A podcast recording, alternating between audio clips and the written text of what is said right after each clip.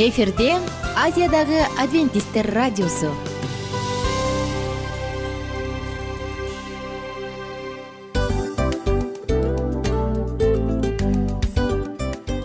Достор салют. Баардык сүйүктүү угармандарыбызга салам айтабыз. Кутман күнүңүздөр менен. Ден соолук өмүрдүн булагы демекчи саламат саамы программасында баарыңыздарды көргөнүбүзгө абдан кубанычтабыз. Анда алгач амандашып өтөлү арбаңыздар деп. Ден соолугуңуздар кандай элибизде көбүнчө ден соолук кандай дегенде эле жакшы деп жооп беребиз э? ооруп турсак дагы жакшы дейбиз. Анан мен муну айтып ойлойт элем бул абдан сонун сөз депчи анткени бул жакшы деген үмүт да э ооба баары жакшы болот. Баары сонун. Деп үмүттөнүп атып эле өзүбүздү өзүбүз дарылап коебуз. Анысы кандай? Сиздин дагы ден соолугуңуз жакшы беш деген үмүттөбүз чындыгында ден соолук бул өмүрдүн булагы деп бекеринен айтылган эмес деп ойлойм. Кыргыз элинде анткени эгерде ден соолук жок болсо анда адамдын жашоосунда калган баардык керектүү маңыздуу нерселер өзүнүн баалуулугун жоготуп коет. Ошондуктан ден соолук бул эң керектүү нерсе. Ооба туура айтасың кесиптешим. Чынында ден соолугуң жок бир эки үч күн ооруп калсаң эле э кандай болуп калат? Жашоодо көз каранды болуп каласың көп нерсеге жетишпей каласың көп нерсени кыла албай каласың жада калса эшикке дүкөнгө да чыга албай каласың. Туптуура анан ден соолук болсо демек биз биздин бактыбыз тотой деп койсок болот. Анда достор саламат саамы рубрикабызды баштайлы. Алдыда өзүңүзгө керектүү болгон сонун кеңештерди уга аласыздар. Мына ошондуктан биз менен бирге болуңуздар. Ал эми биз болсо милан жана айнура. Кеттик алга. Алга саламат саама ден соолуктун жарчысы. Саламат саама ден соолуктун ачкычы. Күн сайын сиз үчүн мыкты кеңештер сонун жаңылыктар кызыктуу фактылар биздин рубрикада.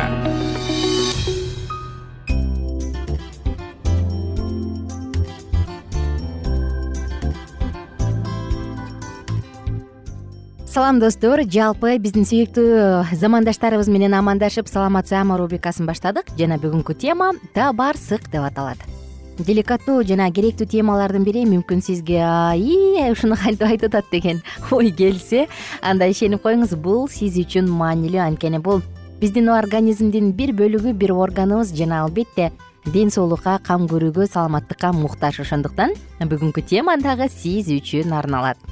Өзгөчө кичинекей кезекте уктап жатып эле түшүңдө дааратканага барасың же бир жерге отура калган болосуң ойгонсоң төшөгүңө кое берип siiп койгон учурлар болот эмеспи э өзгөчө кичинекей балдарда болот.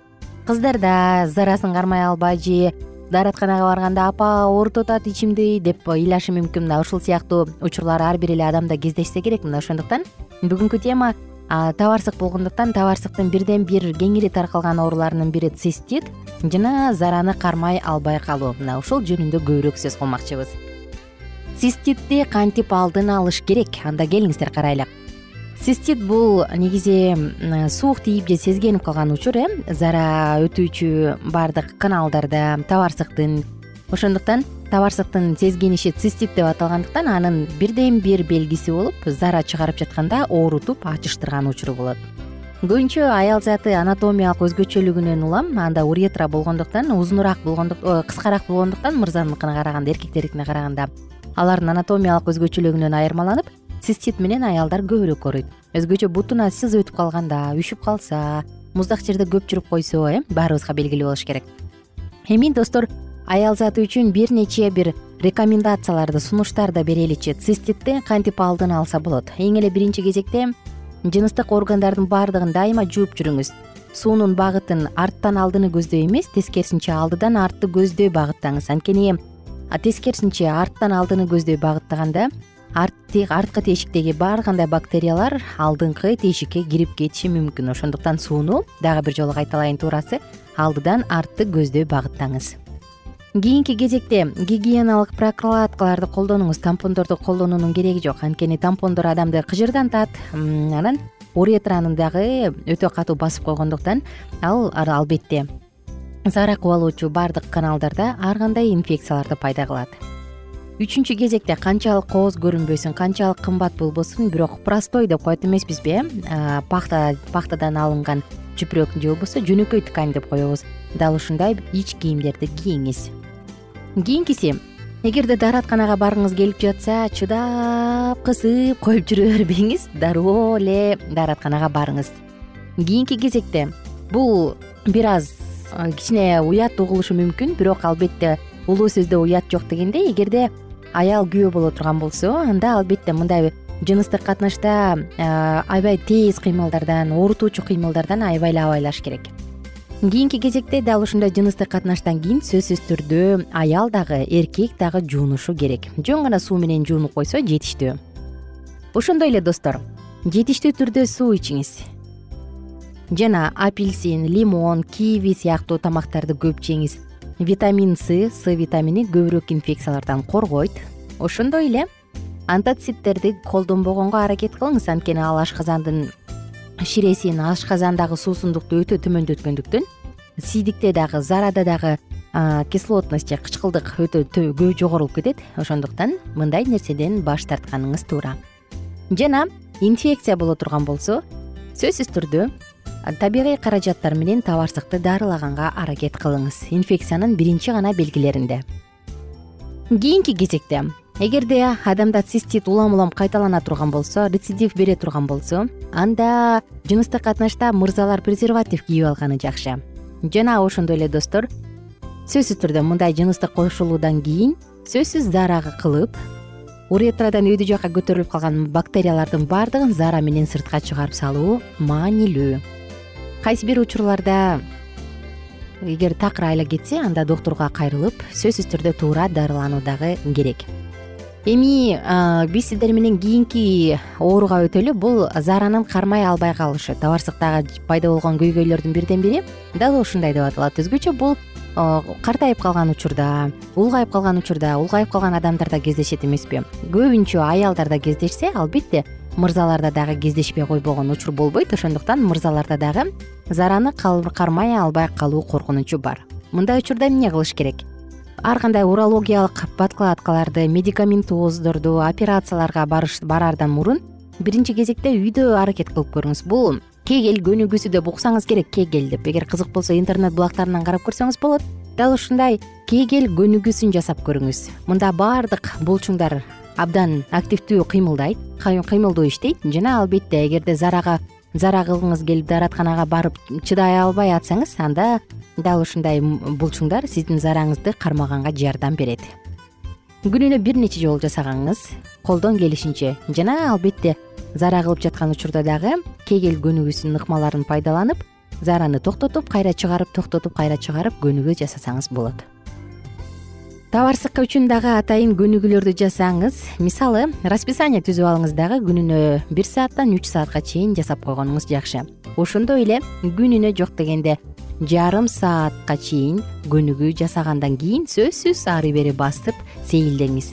Ич катуудан качыңыз. Ич катуу дагы адамдын зараны кармай албай калышынан чоң негиз түзүүчү себептердин бири достор мына сиздер менен биз сонун маалыматтарды бөлүштүк. Эгерде чындыгында цистит сиздин жашооңузда кездешкен болсо же азыркы учурда кыйналып жатсаңыз анда жогоруда биз айткан баардык кеңештерди эске аласыз деп ишенем.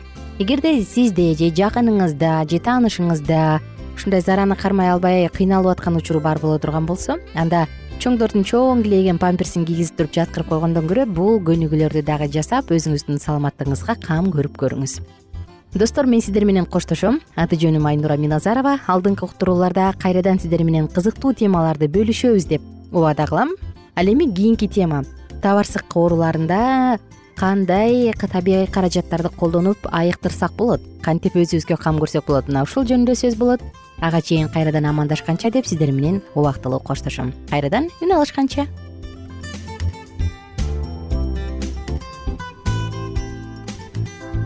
кененирээк маалыматтар үчүн үч w чекит саламат чекит клуб сайтына келип таанышыңыздар. Жана андан тышкары социалдык тармактарда youtube facebook жана instagram баракчаларына катталыңыз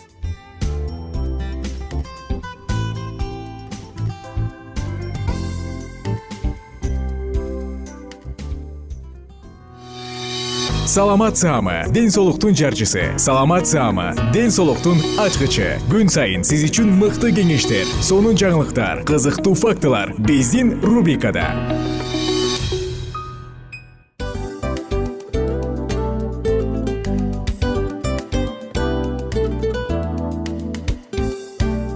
Салам достор. Кайрадан биздин сүйүктүү рубрикабызга кош келиңиздер деп айтмакчыбыз баардык замандаштарыбызга арбаңыздар деп саламыбызды айтабыз. Улуу ушундай бир э, урматтаган учурашуу менен анан дил маек радио баракчабызга чакырабыз. Негизи дил маек биздин рубрикабызда эмне жөнүндө кеп кылабыз? Бул дил маектин мааниси эмнеде? Рубрикабыз менен кичине тааныштырып кетсеңиз. Сөзсүз түрдө тааныштыра кетейин. Кесиптешим суранычы боюнча бул учурда бул радио баракчада биз ар тарап кесип ээлеринен сонун кеңештерди алабыз сүйлөшөбүз сырдашабыз. Аталарыбыздын эжелерибиздин апаларыбыздын кеңештерин угабыз айтор. Жан дүйнөгө адамдын э, сапатына адамдын деги эле адам болуп жашашына керектүү баардык кеңештер алдыда. Негизи э, дил маек дегенде баягы эки адамдын ортосундагы сырдашуу кенен сүйлөшүү. Негизи эле биз адамдар бири бирибиз менен бир жерге жай жерге отуруп алып өзүнчө тынч э, жашоо жөнүндө өмүрүбүздө эмне болуп атканын бөлүшкөнү жакшы көрөбүз э адамдар. Ооба туура айтасың. Анан э, мындай учурга кээде убакыт да жетпей келет э. Же болбосо сырыңды кайгыңды муңуңду кубанычыңды айткың келет а адамга ишенбешиң мүмкүн. Ооба. А бул радио баракча угармандарыбыздын чыныгы досу. Анткени бизден алган кеңеш сиздин жашооңузга чоң жардам берет. Ал эми сиздин бизге айта турган сөзүңүз ортодо гана сыр бойдон калат. Ошондуктан биздин дил маек рубрикабызга дагы бир жолу кош келиңиздер жана биз даярдаган маалыматтарга даяр болуңуздар. Айнура жана милан сиздер менен бирге алдыга кеттик. Ар түрдүү ардактуу кесип ээлеринен алтын сөздөр жүрөк ачышкан сыр чачышкан сонун маек дил маек рубрикасында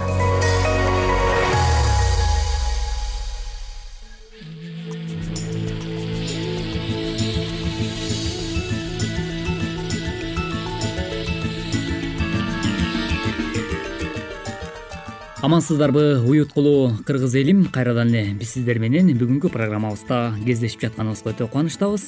Биз студиябызга атайын мейман чакырганбыз. Дал ушул мейманыбыз менен сиздерди тааныштырып өтсөм режиссердук эмгекти аркалап келе жаткан идинов алмазбек мырза менен бүгүнкү программабызда маек кылмакчыбыз. Бизди ушинтип студияңыздарга чакырганыңыздарга рахмат. Э, эми мен эмне айтмакчымын? Э, кыргыздын ата бабадан келаткан алмыстактан келаткан биздин каада салтыбыз үрп адатыбыз азыркы кийинки жаштарга ушул азыркы муунга чейин келип жеткен да. Э, мисал алсак э, кыргыздын ушундай үрп адаттары боюнча жанагы мейман келгенде колго согуюу жөнүндө айтып кетсем деп турам да. Бул колго согуюунун дагы өзүнчө бир жөрөлгөсү бар. Анткени бул колго согуярда беш бармакты кол менен жейиш үчүн алдын ала колду жууш керек. Бул эми баягы бир четинен западтан алып келгенде бул гигиеналык жагынан тазалыкты билдирет. Экинчи жагынан бул мисалы үчүн жана колго согуйган балага кичинекей балага бата беришет. Ар бир аксакал мисалы үчүн кол жууган аксакал ар кандай баталарды беришет. Өнүп өс дейт өркөнүң өссүн дейт же болбосо бактылуу бол дейт өмүрүң узун болсун дейт ушундай бата берүү болуп саналат да. Биз мисалы үчүн бала чакта ушундай мен куям мен куям колго согуям анткени баягы батага алып калыш керек деген мааниде биз ошо колго согуйганга ашыкчубуз да сөзүңүз оозуңузда болсун. Э, сөзүңүзгө бир аз аралжы дейин дагы. Кийинки ыйгара турчу суроом э, кыргыз элибизде эзелтеден айтылып келгендей эле баягы э, бата менен эл көгөрөт жамгыр менен жер көгөрөт деп жакшынакай макал лакаптар менен дагы сүйлөп келген эмеспи. Андыктан ушул кол жуу расмисинде дагы сөзсүз түрдө аксакалдардан деги эле ушул улуу муун өкүлдөрүнөн бата алуу максатында дагы ушул жөрөлгөнү аткарып келишкен да. Батага кандай маани берип келишкен кыскасы ушул туурасында дагы э, бата жөнүндө да айтып берсеңиз. Мисалы үчүн атанын батасы абдан э, маанилүү бата деп эсептелген да. Бата алып калсак экен ушул аксакалдардан деп мисалы үчүн элден э, аксакалдардан бата алган бул абдан керектүү бата. Мисалы үчүн айтып калышат го биз мисалы үчүн эл мен баталуумун деп коет. Ушул ата атадан бата алган сыяктуу эле кудайдын да батасы бар да. Кудайды кудайдын батасы болгон үчүн жанагы өнүп өскөн э, же болбосо бир мындай кырсыктардан сырткары болгон э, жерде ошол кудайдын батасы түшкөн деп коет да. Илгерки биздин ата бабалар илгерки пайгамбарлар деле ошол батага жакын болушкан. Мисалы үчүн азыр колго согуйганда аксакалдар мындай төрдө отурат анан эмне үчүн булар кол жууп атат дебей баягы эт жээрдин алдында тамак ичердин алдында кол жууш керек. Гигиеналык тазалык бир четинен экинчи четинен бул адамдын өзүнүн баягы беш бармак жээрдин алдында колду таза жуу деп белгилесе болот да. Ошондуктан э, биз кийинки жаштарга айта кетчү нерсебиз ушу мисалы үчүн кыргыз эли дагы илгертен баягы кылым картып келген эл да. Булар э, кыргыз эли тээ эне сайда жашаган э, алтайда жашаган анан ошол жерлерден баягы ооп келгенде ар бир кудайдын берилген сөзү менен ошо берилген ишараттары менен өзүнүн баягы үрп адатын сактап келген да. Ар бир нерсеси ошо маанилүү болуп ошол мааниси чечмеленип да берилет да. Акыркы мезгилде дейбизби же ушул биз жашап жаткан доордогу кол жуу расмисин аткарууда дагы акыркы учурда эмнегедир э, айрымдары ушул олуттуу деле көңүл бурбай калышты да негизинен колго суу куюундагы менимче эрежелер болуш керек да. Бул туурасында сиздин пикириңиз кандай? Рахмат. Жакшы суроо болду. Бул эми баягы кийинки муундарда биз баягы көбүнчө жакшылык жамандыктарда отуруп калганда айтабыз колду жуумайынча эшикке чыкпагыла деп баягы жаштарга. Азыр мисалы үчүн башынан баягы бирөө жууп бүтсө ал эшикке чыгып кетиштин кажети жок. Анткени баардыгы жууп бүткөндөн кийин анан туруш керек да. Же болбосо азыркы мисалы үчүн той аштарда ай эшиктен деле жууп алабыз. Сууну куйбай эле койгула эшиктен деле умальникке жууп алабыз деп ар ким баягы ар кайсы жактан тиги кумган көтөрүп чуркабастан ошону баягы чогуу отуруп баягы тамак жеп бүткөндөн кийин да жуулуш керек да. Тамакка чейин да жуулуш керек кол. Эрежеси эрежеси боюнча ошондой. Мисалы үчүн оң жагынан куйса кийинкисинде сол жагынан куюш керек да. Бир жагынан баягы куя бербей сол жагынан мисалы үчүн оң жагынан куюп баштаса кийинки жеп бүткөндөн кийин тамак жеп бүткөндөн кийин сол жагынан башташ керек. Ошентип айтат э, бүтүрүш керек. Аягына чейин куюп бүткөндөн кийин анан тиги колун ачып бүткөндөн кийин анан туруп кетмей да. Анан мисалы үчүн ошо туура айтып атасыз могу көңүл чордонуп эле калып калып атат. Муну бүт маани берилбей берилбей калган сыяктанып атат да ошондуктан буга биз терең маани беришибиз керек. Анткени э, мисалы үчүн бир жактан келген конокторго биз ошо өзүбүздүн меймандостугубузду анан өзүбүздүн жанагы каада салтыбызды биз аларга көргөзүшүбүз керек да. Анан биз ошолорго үлгү болуш үчүн э, ошо кийинки мисалы үчүн жаш балдарды кичинекей баланы колго суу куйдуруп анан аксакалдардан батал баталга кел колго суу куй деп кийинки муундарга ошону биз айта жүрүшүбүз керек. Кыргыздын улуттук каада салттары аябай керектүү нерсе да бизге. Биз ошону ала жүрүшүбүз керек. Э, ошону такай мындай турмушубузда колдоно билишибиз керек да колдоно жүрүшүбүз керек. Жанагындай өнөрлөрдү эт туураган өнөр деп коет бул. Өнөр деген бул муундан муунга өтүп кете бериш керек да. Ошону биз кийинки муундарга ошо сакталып калышын сакталып калышына биз тилектешпиз. Кийинки жаштарга балдарыбызга ушул кыргыздын ата бабадан келаткан салтыбызды сактап жүргүлө демекчибиз да. Анан элибизге жалпы токчулук биримдик ынтымак каалайбыз элибиз аман эсен болсун жалпы эл журтка аманчылык тынчтык каалайбыз алмаз мырза сизге ыраазычылык билгизүү менен биргеликте ушуну менен бизге бөлүнгөн убакыт дагы өз соңуна келип жетип калды. Ал эми ардактуу радио каармандар бүгүнкү программабыздын чыгарылышында сиздер кыргыз элинин улуттук баалуулуктары мурастары башкача айтканда кол жуу жөрөлгөсү туурасындагы биздин маегибизге орток боло алдыңыздар. Уктуруубузга назар салганыңыздар үчүн ыраазычылык билгизебиз студияда кызматыңыздарда мен улан кубанычбеков сиздер менен биргеликте болдум.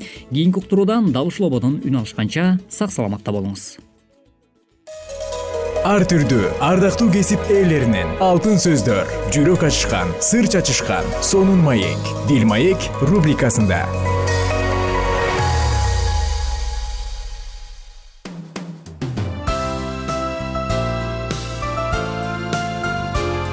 эфирде азиядагы адвентисттер радиосу.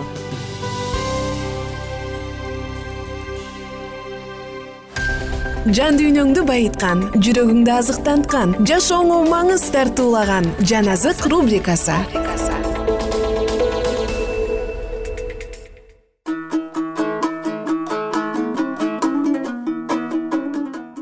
саламатсыздарбы достор сиздер менен жан азык уктуруусундабыз. Жана сиздер менен бирге марк жазган жакшы кабар китебин уланталы. Марк жазган жакшы кабар экинчи бөлүм. Бир нече күндөн кийин ыйса кайрадан капернаумга келди. Анын үйдө экендиги маалым болор замат көп эл чогулуп калды. Ал эмес эшиктин алдында да орун калбай калды. Ыйса болсо элге кудайдын сөзүн айтып жатты ошондо төрт киши ага бир шал оорулууну көтөрүп келди. Алар элдин көптүгүнөн ыйсага жакын бара алышпай үйдүн чатырын ачышты да ал тургай үйдүн төбөсүн тешип шал оорулууну төшөгү менен түшүрүштү. Алардын ишенимин көргөн ыйса шал оорулууга балам күнөөлөрүң кечирилди деди. Бул жерде бир нече мыйзам окутуучулар олтурушкан эле. Алар эмне үчүн ал ушинтип айтып жатат? Ал кудайга акарат келтирип жатат. Күнөөлөрдү бир гана кудайдан башка ким кечире алат? Деп ойлошту. Ошол замат ыйса руху менен алардын оюн билип. Эмне үчүн ушинтип ойлоп жатасыңар? Шал оорулууга кайсынысын айткан оңой күнөөлөрүң кечирилди дегенби же ордуңан туруп төшөгүңдү ал да баргын дегенби? Бирок адам уулунун жер үстүндө күнөөлөрдү кечирүүгө бийлиги бар экенин билишиңер үчүн деди да анан шал оорулууга сага айтамын ордуңан туруп төшөгүңдү ал да үйүңө бар деди. Ал ошол замат ордунан турду да төшөгүн көтөрүп алып бардыгынын көз алдында сыртка чыгып кетти. Ошондо бардыгы таң калып биз эч качан мындай нерсени көргөн эмес элек деп кудайды даңкташты. Ыйса кайрадан көлдүн жээгине келди ошондо элдин баары анын жанына келди. Ал элди окутту ал кетип бара жатып бажыканада отурган алпей уулу лебини көрүп ага менин артымдан ээрчи деди. Леби ордунан туруп анын артынан ээрчип жөнөдү. Ыйса лебинин үйүндө шакирттер салык жыйноочулар жана күнөөкөрлөр менен бир дасторкондо отурду. Анткени анын артынан ээрчигендер көп болчу фариселер менен мыйзам окутуучулар ыйсанын күнөөкөрлөр жана салык жыйноочулар менен тамактанып отурганын көрүшүп анын шакирттеринен. Эмне үчүн ал салык жыйноочулар жана күнөөкөрлөр менен чогуу тамактанып жатат? деп сурашты.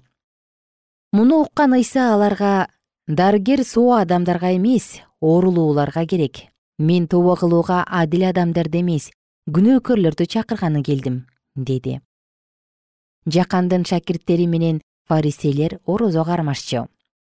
Алар ыйсага келип жакандын жана фарисейлердин шакирттери орозо кармашат.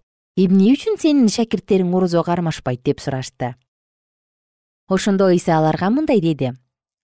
Күйөө үйлөнүү тоюндагылардын жанында болгондо алар орозо кармашмак беле. Алар орозо кармашпайт. Азырынча күйөө алардын жанында. Бирок күйөө алардын жанынан алынып кете турган да күндөр келет. Алар ошол күндөрү орозо кармашат. Эч ким эски кийимге жаңы кездемеден жамаачы салбайт. Анткени жаңы кездемеден салынган жамаачы эски кийимден чычылып калат да жыртык ого бетер чоңоюп кетет. Эч ким эски чаначка жаңы шарап куйбайт. Анткени чанач айрылып шарап төгүлөт. Чанач жараксыз болуп калат. Тескерисинче жаңы шарапты жаңы чаначка куюу керек. Ишемби күндөрүнүн биринде ыйса эгин талаасынан өтүп бара жатты. Анын шакирттери жолдо бара жатканда буудайдын баштарын үзүп ала башташты. Ошондо фариселер ыйсага карачы эмне үчүн алар ишемби күнү кылууга болбой турган ишти кылып жатышат? Дешти. Ыйса аларга. Дөөт муктаж болуп. Өзү да жанындагылар да ачка болушканда. Эмне кылганын силер таптакыр окуган жок белеңер ыйык кыйыл кызмат кылуучу абыятардын убагында ал кудай үйүнө кирип ыйык кызмат кылуучулардан башка эч кимге жегенге болбой турган нан курмандыгынан жеп жанындагы кишилерге да бербеди беле деди. Анан аларга адам ишемби күн үчүн эмес ишемби күн адам үчүн. Ошондуктан адам уулу ишембинин да кожоюну деди. Марк жазган жакшы кабар үчүнчү бөлүм. Ыйса кайрадан синагогага келди. Ал жерде бир колу шал болуп калган адам бар эле. Ыйсаны айыпташ үчүн ал бул адамды да ишемби күнү айыктырар бекен деп карап турушту ыйса болсо бир колу шал болуп калган адамга ортого чык деди да тигилерден ишемби күнү жакшылык кылуу керекпи же жамандык кылуу керекпи? Жанды куткаруу керекпи же өлтүрүү керекпи? деп сурады алар унчугушкан жок. Ошондо ыйса аларга ачуулана карап жүрөктөрүнүн катуулугуна кайгырып жанагы кишиге колуңду сун деди. Ал колун сунду. Ошондо анын колу айыгып экинчи колундай болуп калды. Фарисейлер сыртка чыгаары менен ыйсаны өлтүрүү жөнүндө ыйратты жактоочулар менен кеңешти. Ыйса шакирттери менен көл тарапка кетти. Ошондо галилея жүйүт эдом аймагындагы иерусалим шаарындагы иордандын наркы өйүзүндөгү көп эл анын артынан барды. Анын кылган иштери жөнүндө уккан тир жана сидон аймактарындагы эл ага келип жаттаа кылып ошондо ыйса көпчүлүктүн арасында кысылып калбаш үчүн өзүнчө бир кайыкты даярдап коюуну шакирттерине дайындады. Анткени ыйса көп кишилерди айыктыргандыктан оорулуулардын бардыгы ага колдорун тийгизүү үчүн жүткүнүп жатышкан эле. Жиндер ыйсаны көргөндө анын алдына жыгылып сен кудайдын уулусуң! деп кыйкырып жатышты. Бирок алар ыйса алардын өзү жөнүндө жарыялоосуна катуу тыюу салды.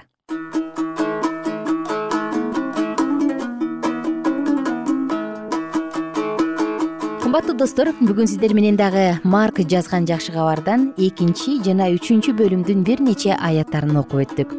Кийинки уктурууда саатыбызды улантабыз ага чейин кайрадан амандашканча сак саламатта туруңуздар. Күнүңүздөр көңүлдүү улансын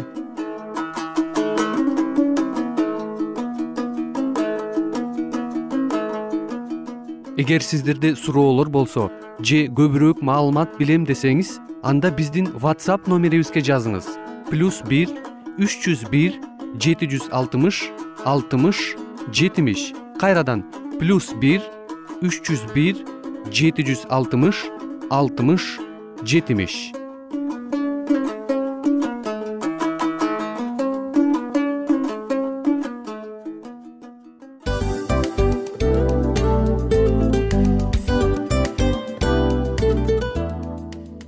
биздин радио баракчаларыбыз соңуна келди. Демек бул программабызды дагы жыйынтыктаочу учур келдик. Учурга келдик. Анан кесиптешимден сурагым келип турат. Негизи эле иштин башталып атканы кубандырабы сени же жыйынтыгы кубандырабы? Албетте жыйынтыгы. Себеп дегенде сен кылган ишиңдин жыйынтыгын көрүп э, баягы мөмөсүн көрүп дегендей жыргайсың жүрөгүң жемишинен татып э? Кандай даамдуу деп. Баягы буудай сепкенде эмес буудайдын эгинди жыйнагандан кийин ысык нанды жегенде кадимкидей ырахаттанасың го? Ой айтпа туура айта кеттиңиз. Сонун салыштыруу болду. Анан мен дагы абдан кубанып турам. Анткени биз угармандарыбыз үчүн аябай эмгектенип келген уктуруубуздун соңуна келип калдык. Анан эми уктуруу э, уктуруубуздун соңунда угармандар кандай пайда алып калды экен деп күтүп турам да. Балким э, менин жашоомо өзгөрүү киргизе турган сонун сөздөр болду. Мен ушул нерсени изилдеп анан кабыл албасам ушул нерсени кылбасам деген чечим чыгарсаңыз анда биз абдан кубанычтабыз. Сөзсүз түрдө андыктан кийинки биздин кызыктуу уктурууларыбыздан көрүшкөнчө сак саламатта калыңыздар. Чыдамсыздык менен сиздерди мен милан жана кесиптешим айнура күтөбүз. Баардык угармандарыбызга ийгиликтүү күн каалайбыз. Качан гана болбосун уртуңуздан жылмаюу кетпесин үйүңүздө көмүр жүрөгүңүздө көңүл болсун дейли